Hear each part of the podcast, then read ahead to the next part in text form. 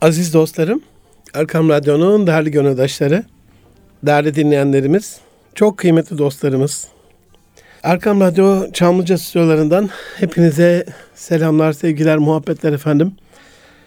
Üçüncü bölümündeyiz programın. 2018 yılının 24. programını yapıyoruz. Ama bu program konu başlığı itibariyle Münir Arıkan'ın Nitelik İnsan programında empatinin de üçüncü bölümünü sunmuş oluyorum sizlere. Aziz dostlarım, geçen hafta programı bitirirken Peter Drucker'dan bir alıntı yaparak hani önemli olan iç müşteri, dış müşterinin e, sizin elemanlarınıza nasıl davranmasını istiyorsanız siz onlara öyle davranırsanız gittikleri yerlerde de kabul görürler diye anlatmıştım size bu felsefeyi. Aynı buradan yola çıkarak bu hafta kalan son bölümde size inşallah bu empatiyi nerelerde yapmamız gerektiği ile alakalı bazı ipuçları vereceğim. Mesela düşünmenizi istirham ediyorum.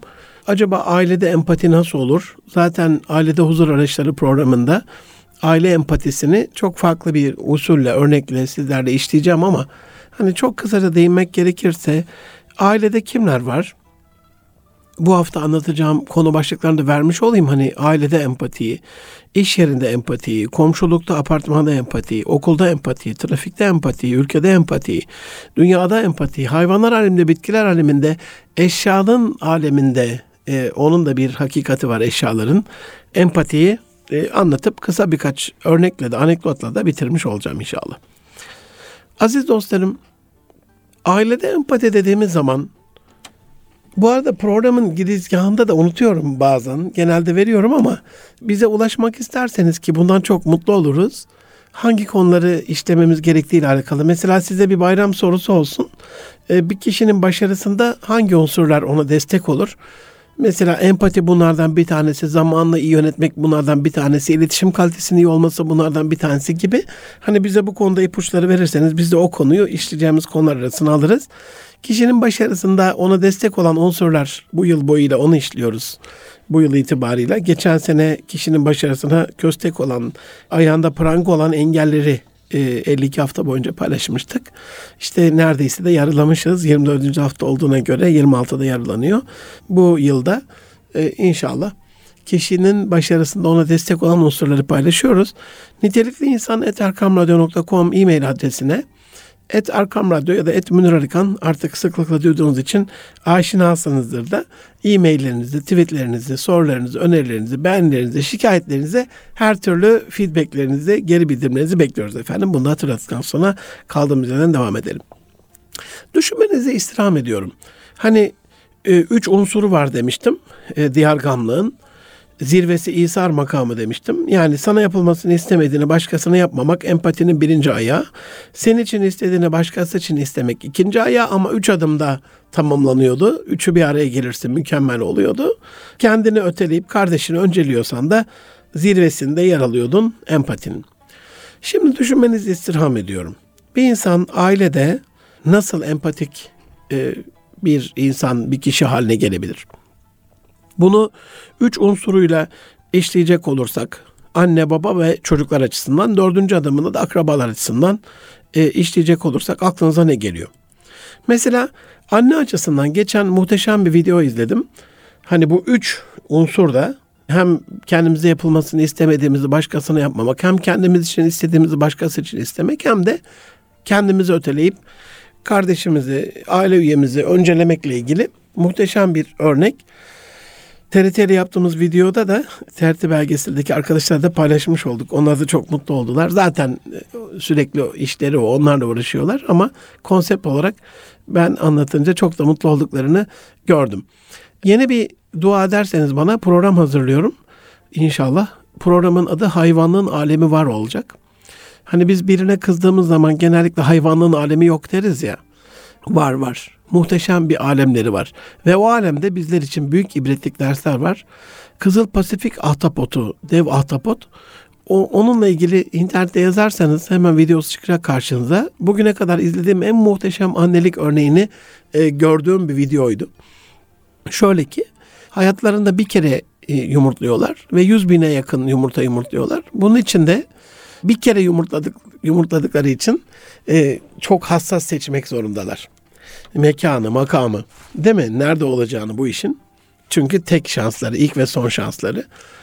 Çok güzel bir kaya ovunu okyanus dibinde seçiyor. Sonra yumurtalar orada kayanın altında tutunmuş oluyor. Onları alglerden korumak adına planktonlardan işte zararlı şeyden yengeçten midyeden işte ne bileyim e, düşman olan balıklardan sürekli bütün o sekiz koluyla onlara kol kanat geliyor. E, bir taraftan da birbirine yapışmasınlar diye ağzından sürekli bir su püskürtmesi yapıyor çok tatlı bir şekilde. Hafif hafif böyle su püskürterek onları dalgalandırıyor. Eliyle okşuyor o kollarıyla. Tam 6 ay sürüyor aziz dostlarım. Hani okyanusta bütün canlılar birbirinin düşmanı diye bir söz var balıklar aleminde.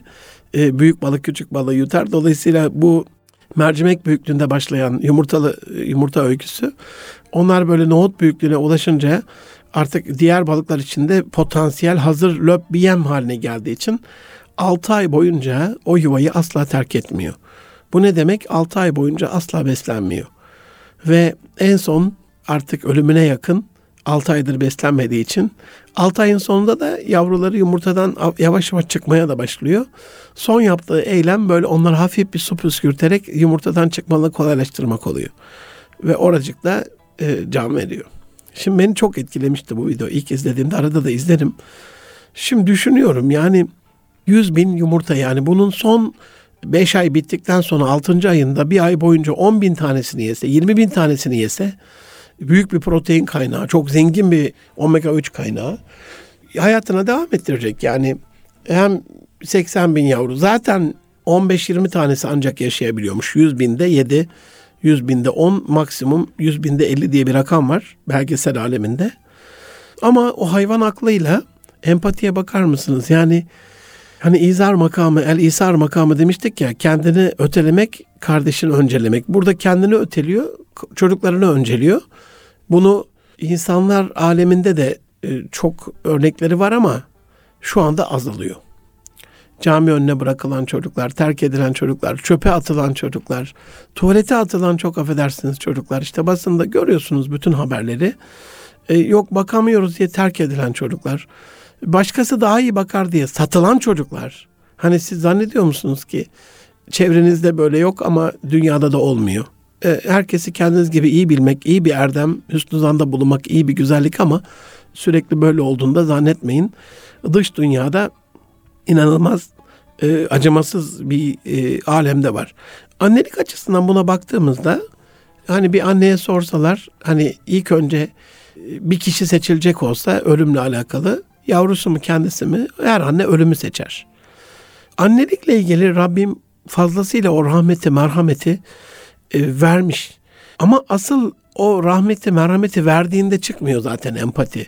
Vermediği anlarda çıkıyor. Mesela gecenin üçünde ağlayan bir çocuğa kalkmak empati mi, sempati mi, fedakarlık mı, sorumluluk mu? Bunların hepsinin bir miktar bir miktar içinde barındırıyor ama hani tam empati bu değil. Çocuğuna sempati duyuyor, ona fedakarlık yapıyor, yürek özletiyor, bir sorumluluk olduğunu düşünüyor. Aynı evde ağlayan çocukla ilgili baba da aynı yatakta, yan tarafta beşikte yatıyor bebekleri. Şimdi bakın baba ne o empati duygusunu hissediyor, ne sorumluluk hissediyor, ne böyle bir diyar gamlığı var, ne, ne de fedakarlık yapacak bir şeydi. Hatta eşini dürtüp kalk kalk seninki ağlıyor diyebilen e, babalar olduğunu biliyorum. Dolayısıyla burada asıl işin empati kısmı gecenin üçünde ağlayan çocuğumuza karşı kalkıp o zaten zorunluluğumuz, mecburiyetimiz aile içerisinde. Asıl gecenin üçünde babamız, yaşlı babamız, yaşlı annemiz, yaşlı bir akrabamız aradığında, sorduğunda, ihtiyaç duyduğunda, hissettiğinde onun yanında olabilmek. Asıl empati bu. Çünkü Rabbimiz ne olursunuz size hani iğrendirmiş olmayayım ama hani bir, bir çocuğun altını bezlerken er, erkekler iğrenir yani. E, ama annelere bakarım bunu daha kolaylıkla yaparlar. Peki bunun bir yaşlı olduğunu düşünürseniz bunu kolaylıkla yapacak bir insan tanıyor musunuz? Çok zor bir imtihan olduğunu biliyorum. Yani yatalak yaşlılara bakımla alakalı işte tam empati orada devreye giriyor. Yani ben böyle bir hadis-i şerif de var zaten. Hani gençliğinde ihtiyarlara yaşlılara hürmet eden, izzet ikram eden de kendi yaşlılığında kendisine izzet ikram eden, hürmet eden insanlarla karşılaştırılır. Bu kaderin bir garantisi altında, Rabbimizin bir garantisi altında. Çünkü Resulullah Efendimiz asla yalan söylemez. Dolayısıyla burada içimizden gelmese de o yaşlı birinin altının temizlenmesiyle alakalı, onun bakımıyla alakalı, onun diyelim bir kusmasıyla bir işte bir, bize bir zarar verecek psikolojik olarak veya bir şey olarak hislerimizle ilgili e, çok bize hoş tutmayacak bir şey bile olsa empati yaptığımızda işte tam da o empati o bize hoş gelmeye başlıyor. Ne yapıyoruz? Kendimize bir gerekçe buluyoruz. Ama diyoruz şu anda iğrenebilirsin ama o senin çocukluğunda sana neler yaptı. Sen şu anda onun yüzde birini bile yapmıyorsun. Şu anda irinebilirsin ama Rabbim sana bunun mükafatını nasıl kat kat fazlasıyla verecek. Şu anda irinebilirsin ama sen yaşlılığında böyle bir şey düşersen çocukların da senden iğrenmeyecek falan gibi kendimizi bu konuda iknaya sevk ediyoruz. Çocuk açısından düşündüğümüzde mesela e, çocuklarımız eğer anneye babaya karşı bir hata yapıyorsa, bir yanlış yoldaysa onların empatisi de şu şekilde oluyor daha sonra anne anne babanın kendi arasında eşlerin karı koca hukuku açısından empatisine de bir örnek vereceğim ama ya ben şimdi babamı bu şekilde üzersem, annemi bu şekilde üzersem yarın çocuklarım da beni bu şekilde üzmüş olacaklar. Dolayısıyla ben bir anne olduğumda, yarın bir baba olduğumda çocuklarım tarafından bu şekilde üzülmek hoşuma gitmez. Neydi birinci adımı? Sana yapılmasını istemediğini başkasına yapma. Dolayısıyla burada çocuklarımız bu empati yaptıklarında bir anda kaderin cilvesiyle baş başa kalıyorlar kader biliyorsunuz asla tagayyür etmeyen, değişmeyen o yazgımız mutlak oluyor. Dolayısıyla yaptığımız bir şeyde mutlaka hani mendakka dukka çalma kapıyı çalarlar kapını ne ekersen onu biçeceksin. Hatta bununla alakalı çocukluğumuzda bize sıklıkla anlatılan bir kıssa vardır. Bu babaların, annelerin biraz da ne olacağım korkusundan, kaygısından dolayı çocuklara sıklıkla zihne işledikleri bir şeydir. İki tane böyle kıssa vardır. Bütün bütün vatandaşlarımız, şu anda bütün dinleyenlerimiz düşünsünler bunu çocukluklarında mutlaka dinlemiş, izlemiş, okumuş, görmüşlerdir. Birincisi sen adam olamazsın denilen çocuk vali olur babası tarafından defaatle ve bir gün babasını elleri kelepçeletip huzura getirir. Baba baba der. Sen bana adam olamazsın dedin ama bak ben vali oldum. Babası da yapıştırır cevabı. Oğlum oğlum Hatırladınız değil mi? Ben sana vali olamazsın demedim. Ben sana adam olamazsın dedim. Yani yıllarca ben bu öyküyü ne kadar hain bir çocuk diye dinlemiştim. Çünkü büyükler bizim kafamıza bunu böyle kazıdılar. Büyük bir hinlik yaparak, cinlik yaparak, e, kurnazlık yaparak. Sonra yıllar sonra e, birkaç sene evvel yani böyle bir şey aydınlanma olur ya böyle insanda. Bir düşündüm. Ya burada kötü rol e, çocuğun değil babanın. Yani çocuk e, durduk yerde babasını kelepçeletip vali olarak huzura getirmiyor. Yılların intikamı var. Yıllarca baba bu çocuğa demiş ki oğlum sen adam olamazsın. Bu çocuğun yapacağı bundan daha doğal ne olabilir ki? Kelepçelet getir bak görsün alem adam görsün. Yani dolayısıyla buradaki kötü örnek baba. Bunu zihnimize kazıdılar büyüklerimiz küçüklüğümüzde. Niye? Babamıza böyle bir eşeklik saygısızlık kusur yapmayalım diye. Ama burada kendilerini bir anekdot olarak küçük bir parantez açıp da ya burada baba da çok kötü. Keşke çocuğuna oğlum sen adam olamazsın demese, oğlum sen güzel bir adam olursun, büyük bir adam olur olursun diye onu cesaretlendirse diye hiç böyle empati yapmadılar. İkinci vaka çok daha vahim bir vakadır. Çocukluğumuzda duyduğumuz küfe e, meselesi. Hatırladınız mı dostlarım? Erkam Radyo'nun aziz gönüldaşları. O da şudur malumunuz. Babası yüklemişler dedeyi ormana gitmişler. Yemişler, içmişler, eğlenmişler. Dede yatalak yaşlı bir adam küfesinden, büyük sepetinden çıkartılmış, ormana bırakılmış. E, hadi dönüyoruz demiş babası. Dönmüşler. Eve gelince baba bir de bakmış ki çocuk boş küfeyi yanında getirmiş. Oğlum bu ne demiş? E, baba demiş sen yaşlanınca da lazım olacak ya ben de seni öyle götüreceğim. Şimdi burada da hep çocuğun böyle babasına verdiği bir ders olarak anlatılır ve babanın orada babasına yaptığı bir e, hainliğin torun, torun tarafından keşfi olarak anlatılır. Ama o babanın çocuğuna yaptığıyla alakalı bir bilgi verilmez. Eksik bir kıssadır yani. Hani durduk yerde bir, bir çocuk babasını niye atsın, babasına niye gitmesin, babasının elini öpmesin, babasına niye küssün, babasıyla alakalı arasına niye mesafe koysun. Büyükler işte bunu hiç bize anlatmıyorlar. Her şey karşılıklıysa e, işin iki tarafını da e, madalyonun iki tarafına da bakarak bir karar vermek, bir hüküm vermek gerekiyor. Dolayısıyla burada acaba dede ne yaptı ki diye torunu anlatılsa baba tarafından, dedem böyle yaptığından dolayı tamam hiçbir gönül babanın bu şekilde atılmasına, bir tarafta terk edilmesine razı değil. İnsanlık dışı bir şey. Onu söylemiyorum. Bırakmasını mazeret olarak getirmiyorum önünüze aziz dostlarım. Ama eksik bilgiyi eleştiriyorum burada. Bırakılması iyidir demiyorum. Ne olur sözlerimi yanlış anlamamanızı istirham ederim. Bırakılması tabii ki kötü bir şey ama burada babanın da çocuğuna bir ders verme adına e, babasının kendine yaptığı bir zulüm varsa, bir edepsizlik, bir adapsızlık, bir buradaki bir şey durum bunu açıklaması durumunda çocuğun gönlü çok daha ferah olacaktır.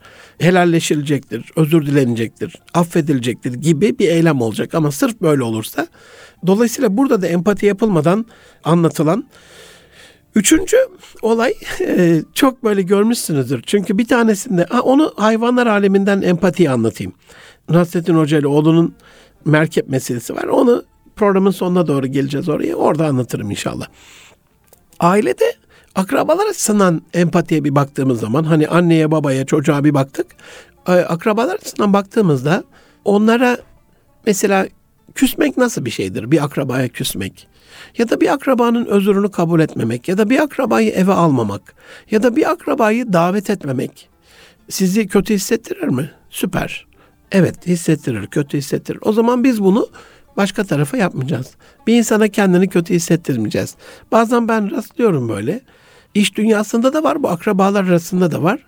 Üstünlük taslayan böyle hatta e, selamlaşırken elini omuz hizasından aşağı doğru ok gibi böyle getirip böyle 45 derece kartal böyle pençeler ya şeyi tavşanı falan böyle kuzuyu kartal pençesi gibi elini böyle yukarıdan üstünlük hissiyle getirip böyle musafa yaparken de eller e, şey değildir paralel değildir yere. Yani dua gibi değildir böyle. Tam duanın tersidir. Elini üstten bastırır böyle aşağı doğru falan. Hani bir üstünlük ifadesi ya sana yapılmasını istemediğini başkasına yapmayacaksın. Bu kadar basit. Birisinin seni o şekilde taciz etmesini, üstünlük taslamasını istemiyorsan sen de yapmayacaksın. Böyle ben rastladığım insanlara daha fazla tevazulu oluyorum. Eziliyorlar onun altında bu sefer. Hatta bir sefer bir arkadaşım öyle bir şey yapmıştı. E, beden dili eğitiminde anlatılır çünkü bu üstünlükle alakalı eli çevir böyle üstten bastır falan. Ayaklarına kapandım abi dedim ayağını mı öpeyim? Ee, anladım Münir'cim özür dilerim demişti. İsim vermeyeyim şimdi rencide olur. Ee, ama zaman zaman bu tür Ali Cengiz oyunlarına giriyoruz. Akrabalarla ilgili de hani çok mübarek bir aylık bir dönemin sonundayız. Ee, işte bayram yapacağız yani. Yeni bir fıtrat bayramında aziz dostlarım yepyeni bir fıtratımızla daha fazla fedakarlık yaptığımız, daha fazla sevdiğimiz, daha fazla affettiğimiz, daha fazla böyle gidip geldiğimiz, ambargoları kaldırdığımız bir af dönemindeyiz. Yani Arefe en makbul olan vakitlerden bir tanesi. Hani sarılıp telefonlara bayrama hüzünlü girmemek adına, bayrama özürlü girmemek adına, bayrama kusurlu, hatalı, defolu girmemek adına hani bu programın bir hayrı olur. Bugün barışsak bile e, Rabbimiz katında kusursuz bir bayram yaşayacağımızın en büyük müjdesi olur. Sonuçta bayrama çıkacağımızın da bir garantisi yok. Ondan evvel de ecrimizi, mükafatımızı almış oluruz. Aziz dostlarım, Münir Arıkan'la Erkam Radyo'da Nitelik İnsan programında kısa bir aradan sonra, az sonra ailede anlatmıştım diyargamlığı, empatiyi. İşte komşulukta, okulda, trafikte, ülkede, hayvanlar aleminde, canlılar aleminde, bitkiler aleminde, dünyada, çevremizde, evrende nasıl oluyor? O örnekleri vererek bitirmiş olacağız bu hafta. Empati anlatıyordum size. Yeni bir fıtrata kavuşacağımız Eydül Fıtır'da, Fitre, Fıtrat ve Fütursuzluk Bayramı'nda inşallah biraz daha empati yaparak, biraz daha diyargamlıkla nasıl insanların gönlüne gireceğimizin sırlarını da paylaşmış oluyoruz. Nasıl bir insan olacağımızın sırlarını da paylaşmış oluyoruz. Diyargamlık örneklerinde ailede diyargamlık ya da empati örneğini paylaşmış oldum. Şimdi iş yeriyle alakalı birkaç bilgi vereyim. Bugün minik kızım Rabia Hümeyra bir mesaj paylaşmış.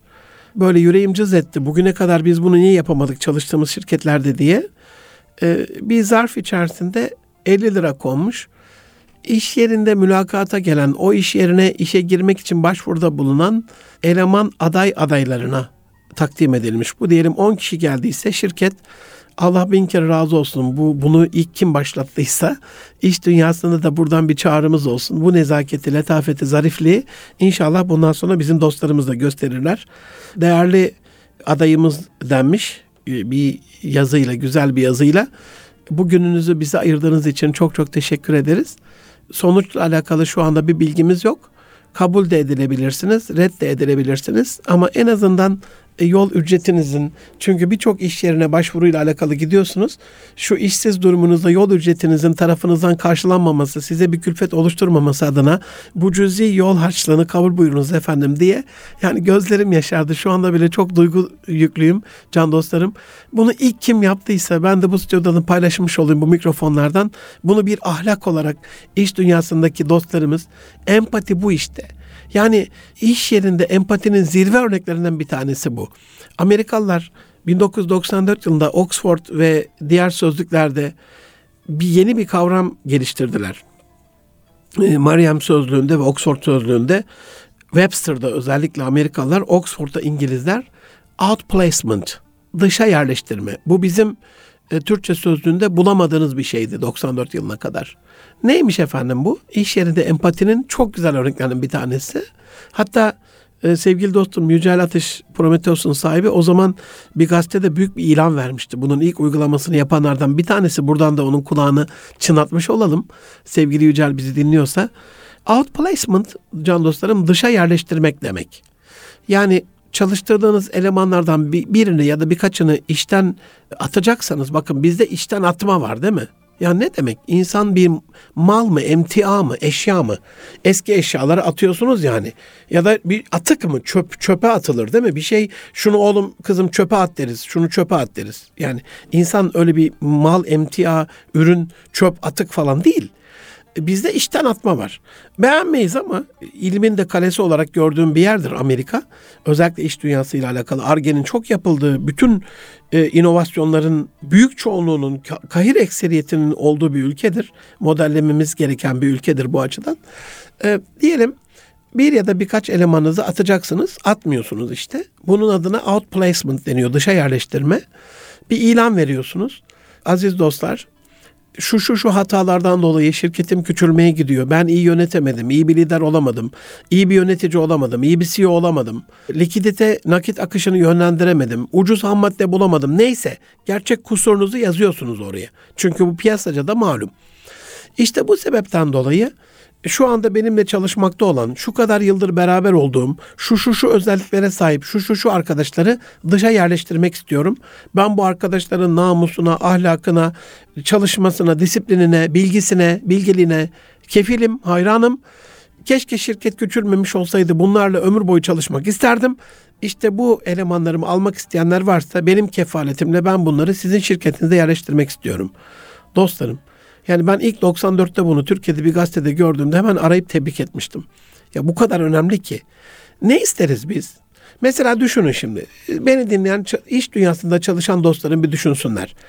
Patronun kendilerini çağırıp da atıldın, kovuldun. Bakın filmlerde rastlarız bunu değil mi? Ama iş dünyasında da maalesef böyle.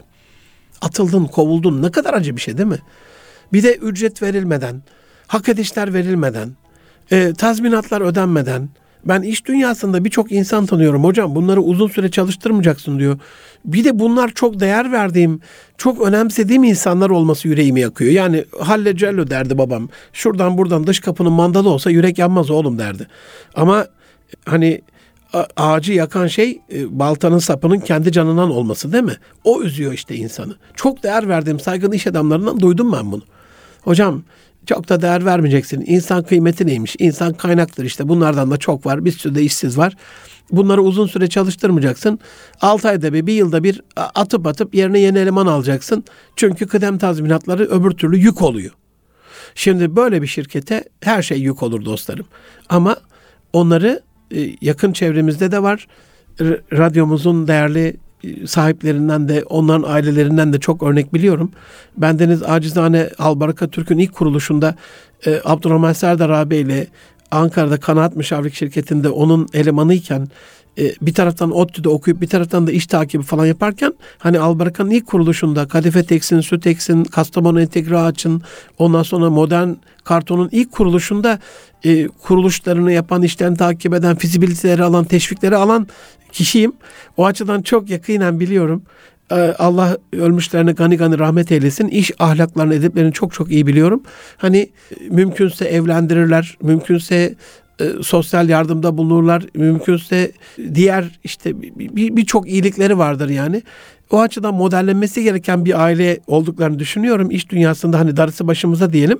Güzel örnekler de var ama kötü örnekler de iş dünyasından birçok örnek biliyoruz. Allah iyi örneklerin sayısını çoğaltmaklığımızı nasip eylesin inşallah. Outplacement bu açıdan işe yerleştirme ile alakalı çok önemli bir unsur. Geçenlerde yine çok değer verdiğim Gaziantep'li bir e, çok saygın bir iş adamı Türkiye'de tartışıldı bu iş dünyasında. Aziz dostlarım e, hani dinde ayıp yoktur diye bir şey vardır. Bu stüdyolarda konuşulmadığı zaman da sizi bilgiye ulaşmamış oluyorsunuz. O açıdan her taraf her yerde de dillendirilmediği için kanayan bir yara olarak kalıyor bu iş. Üzeri örtülüyor ve öyle kalıyor. O açıdan hani arada bahsetmek zorunda kalıyorum. Hanımefendilerin, eşlerimizin özel günleri vardır. Özel dönemleri. İş dünyasında hani bu dönemler karınlarının çok ağrıdığı, başlarının çok ağrıdığı, kendini çok halsiz hissettikleri, işte kan kaybettikleri çok önemli günlerdir. Çok, çok acılı günlerdir. Çok böyle kendini zayıf hissettikleri günlerdir. İşte bu yüzden o acılı günlerine hürmeten Rabbimiz onlarla alakalı hiçbir buyruğu onlara buyurmaz. Namaz mükellefiyeti düşer, oruç mükellefiyeti düşer. Ekstradan bir yük yüklemez Rabbim.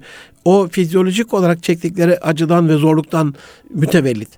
Biz ne yaparız? E, mesela birkaç sene evvel tartışıldı bu. Acaba hanımefendilere bu özel günleriyle alakalı özel izinler verilsin mi verilmesin mi? Çok sevdiğim, saygı duyduğum Antep eşrafından bir iş adamı öyle kaç bin tane kadın çalışanım var dedi. Ben öyle özel gün özel gün tanımam hepsini kapı dışarı yaparım. Şimdi empati mi? Bir düşünün iş dünyasında empati bu mu? Canınız kadar sevdiğiniz kızınız olsa onu çalıştıran patronların ona nasıl davranmasını istersiniz? Ya baba canım çıkıyor. Çok üzülüyorum. Babayla da çok konuşulan şeyler değil bunlar ama annesini anlatıyor diyelim. içim parçalanıyor, ölüyorum, yanıyorum. E, çok acı çekiyorum dediğinde hani ona izin verilmesini isteriz değil mi? Maalesef Batı dünyasında kafir diyoruz adamlara. Ondan sonra gavur diyoruz. Bilmem ne diyoruz ama empatiyle alakalı zirvede olduklarını düşünüyorum. Yani mesela Finlandiya'da, İsveç'te, Danimarka'da, Norveç'te doğum izninin iki yıl olduğunu biliyorum e, emzirme izninin bir yıl olduğunu biliyorum. Bir buçuk yıl olan ülkeler olduğunu biliyorum. Beraber oldukları, o çocuğu beraber yaptıkları eş olsun evli olarak ya da partner olsun sevgili olarak ya da sperm bankasından şeyi alsın çocuğun erkek şeyini hücresini sperm olarak birisi de koruyucu baba olarak benim desin bundan sonra ona da bir yıl izin gidin bu çocuğu beraber büyütün diye empatiye bakar mısınız? Yani biz iş dünyasında çalışanlarımızın ne hissettiğiyle alakalı biraz daha fazla empati yapmamız lazım. Ben bunu daha çok ecnebi şirketlerde, çok olsa şirketlerde görüyorum. E, düşünün çocuğunuz var ve otobüslerde sürünerek perme perişan oluyor. Patronun ona bir araba vermesini ister miydiniz? Tabii ki. O zaman siz de elemanlarınıza bir araba tahsis edeceksiniz dostlarım. İnsanlara şey geliyor, pahalı geliyor. İş dünyasında ben sürekli şeyin, makasın sermaye adına para koyucular, para sahipleri adına açıldığını görüyorum. Büyük bir uçurum var.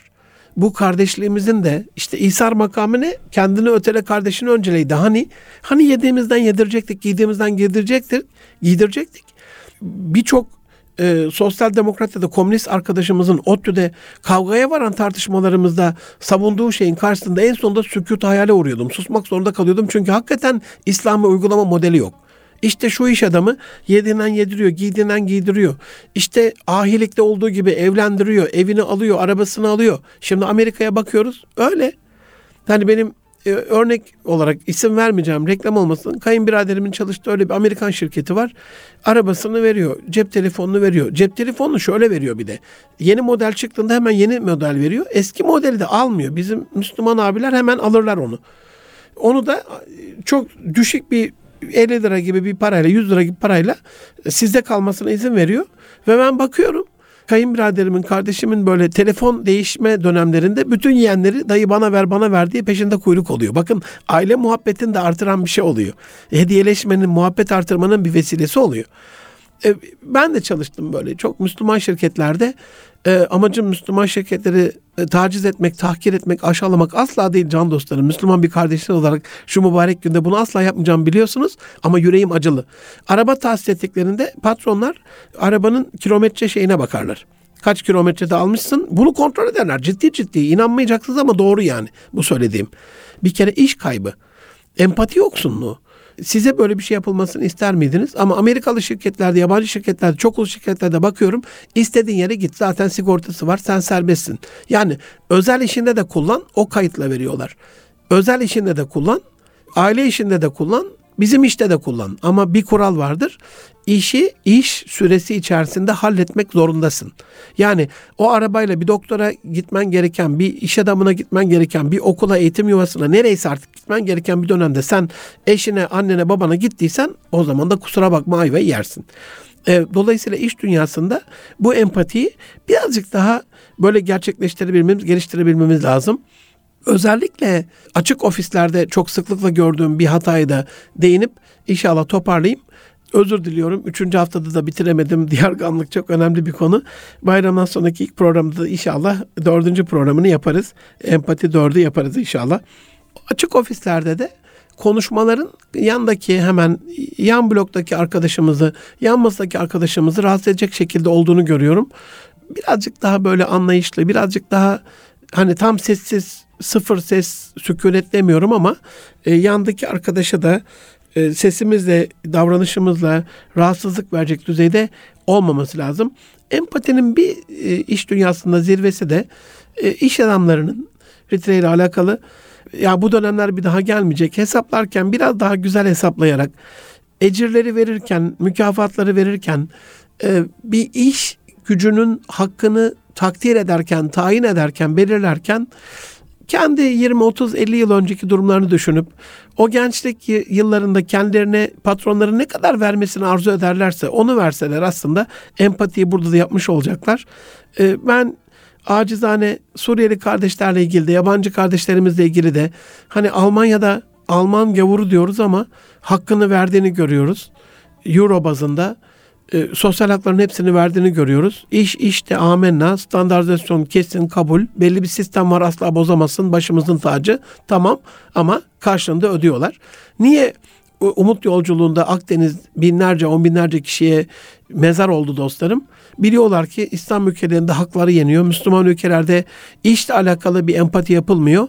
Sürekli makasın ucu sermayedarlara, hissedarlara göre daha fazla açılıyor. Dolayısıyla o yokluktan, çaresizlikten bari elin gavuru hakkımı verir ümidiyle kafir ülkelere bir iş e, ve rahatlık şeyi ümidiyle umuda yolculuk orada da maalesef Akdeniz'in serin sularında gömülmüş, şehit olmuş oluyorlar. Bunu da düşünmemiz lazım. E, dolayısıyla benim istirhamım birazcık daha böyle elimizi vicdanınıza koyarak arabanın en iyisi, evin en iyisi, e, bankada paraların en iyisi, altınların bilmem külçesi falan değil bir miktar daha böyle bir fon ayırarak çalışanlarının ev sahibi olmasıyla alakalı, araba sahibi olmasıyla alakalı, çocuklarının okutulmasıyla alakalı, yani insanca bir standartta yaşayabilmeleriyle alakalı bir hesaplama yaparlarsa ve bu radyoda program yapan birçok İslam alimi, hocalarım da bir programda inşallah onlar da bir araya gelip sırf bu konuyu konuşacağımız iş dünyasında iş ahlakı, Kur'anca, İslamca, Allahça, Resulullahçası bu işin nasılı masaya yatıracağımız bir dönem inşallah iş dünyasındaki empatinin zirvesi olur. Aziz dostlarım kısacık programın sonundayım ama bu komşulukta empatiye de değinmiş olayım.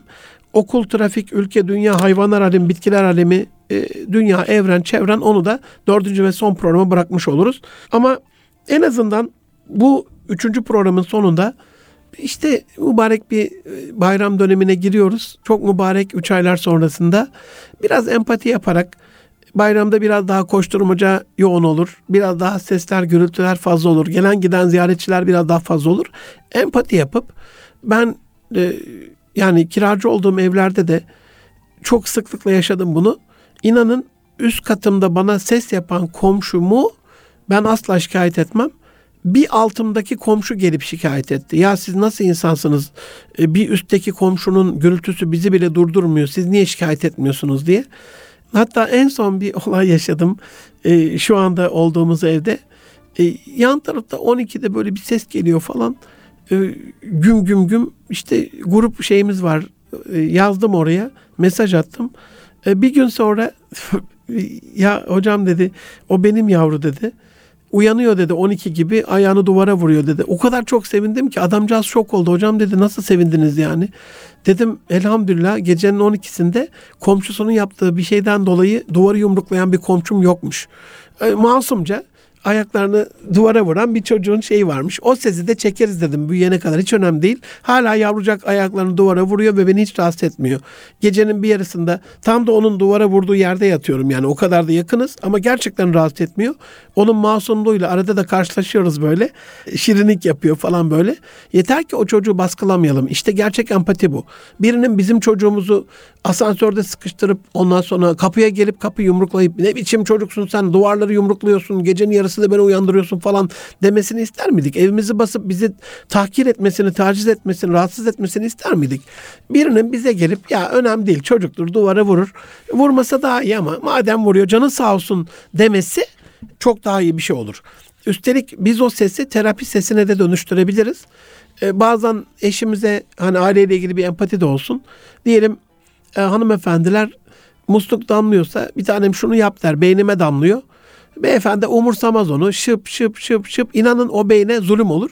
Ama bazen de beynin yapmayacağını bilir. Ya söylesem de şimdi kendimi rezil etmeyeyim boş ver. Damlasın ben onu terapi sesi gibi bu sefer de şıp şıp şıp bir müzik şeyi musiki şey gibi ona bir destek olur. Dolayısıyla çevremizde olan olaylar değil bunu nasıl yorumladığımız bizim ruhaniyetimizi oluşturuyor. İnşallah apartmanda komşularımızla alakalı bu iyilikte, muamelatta da empatiyi çok iyi yaptığımız, hani yumruğa yumrukla, duvarı yumrukluyorsa ona yumrukla cevap vermediğimiz, e, işte güm güm yürüyorsa biz de güm güm güm yürüyerek ona cevap vermediğimiz, böyle hani bu dış işlerinde oluyor mütekabiliyet. Birisi bir şey yaparsa sen de ona aynısını yapıyorsun. Halbuki empati birazcık daha onu affedip ona göğüs gerdiğimiz, fedakarlık yaptığımız, e, alttan aldığımız, biraz daha kendimizi ötelediğimiz, nefsimizi ayaklar altına alıp derecemizi yükselttiğimiz ne kadar çok nefis ayaklar altına alınırsa o kadar vicdan iman yükselmiş oluyor. insanlık kemalata ermiş oluyor. İnşallah şimdiden nice hayırlı güzel bayramlar, nice bayram tadında günler yaşamanız dileğiyle hepinizi Rabbi Celle'ime emanet ediyorum. Hoşça kalın can dostlarım. Allah'a emanet olun.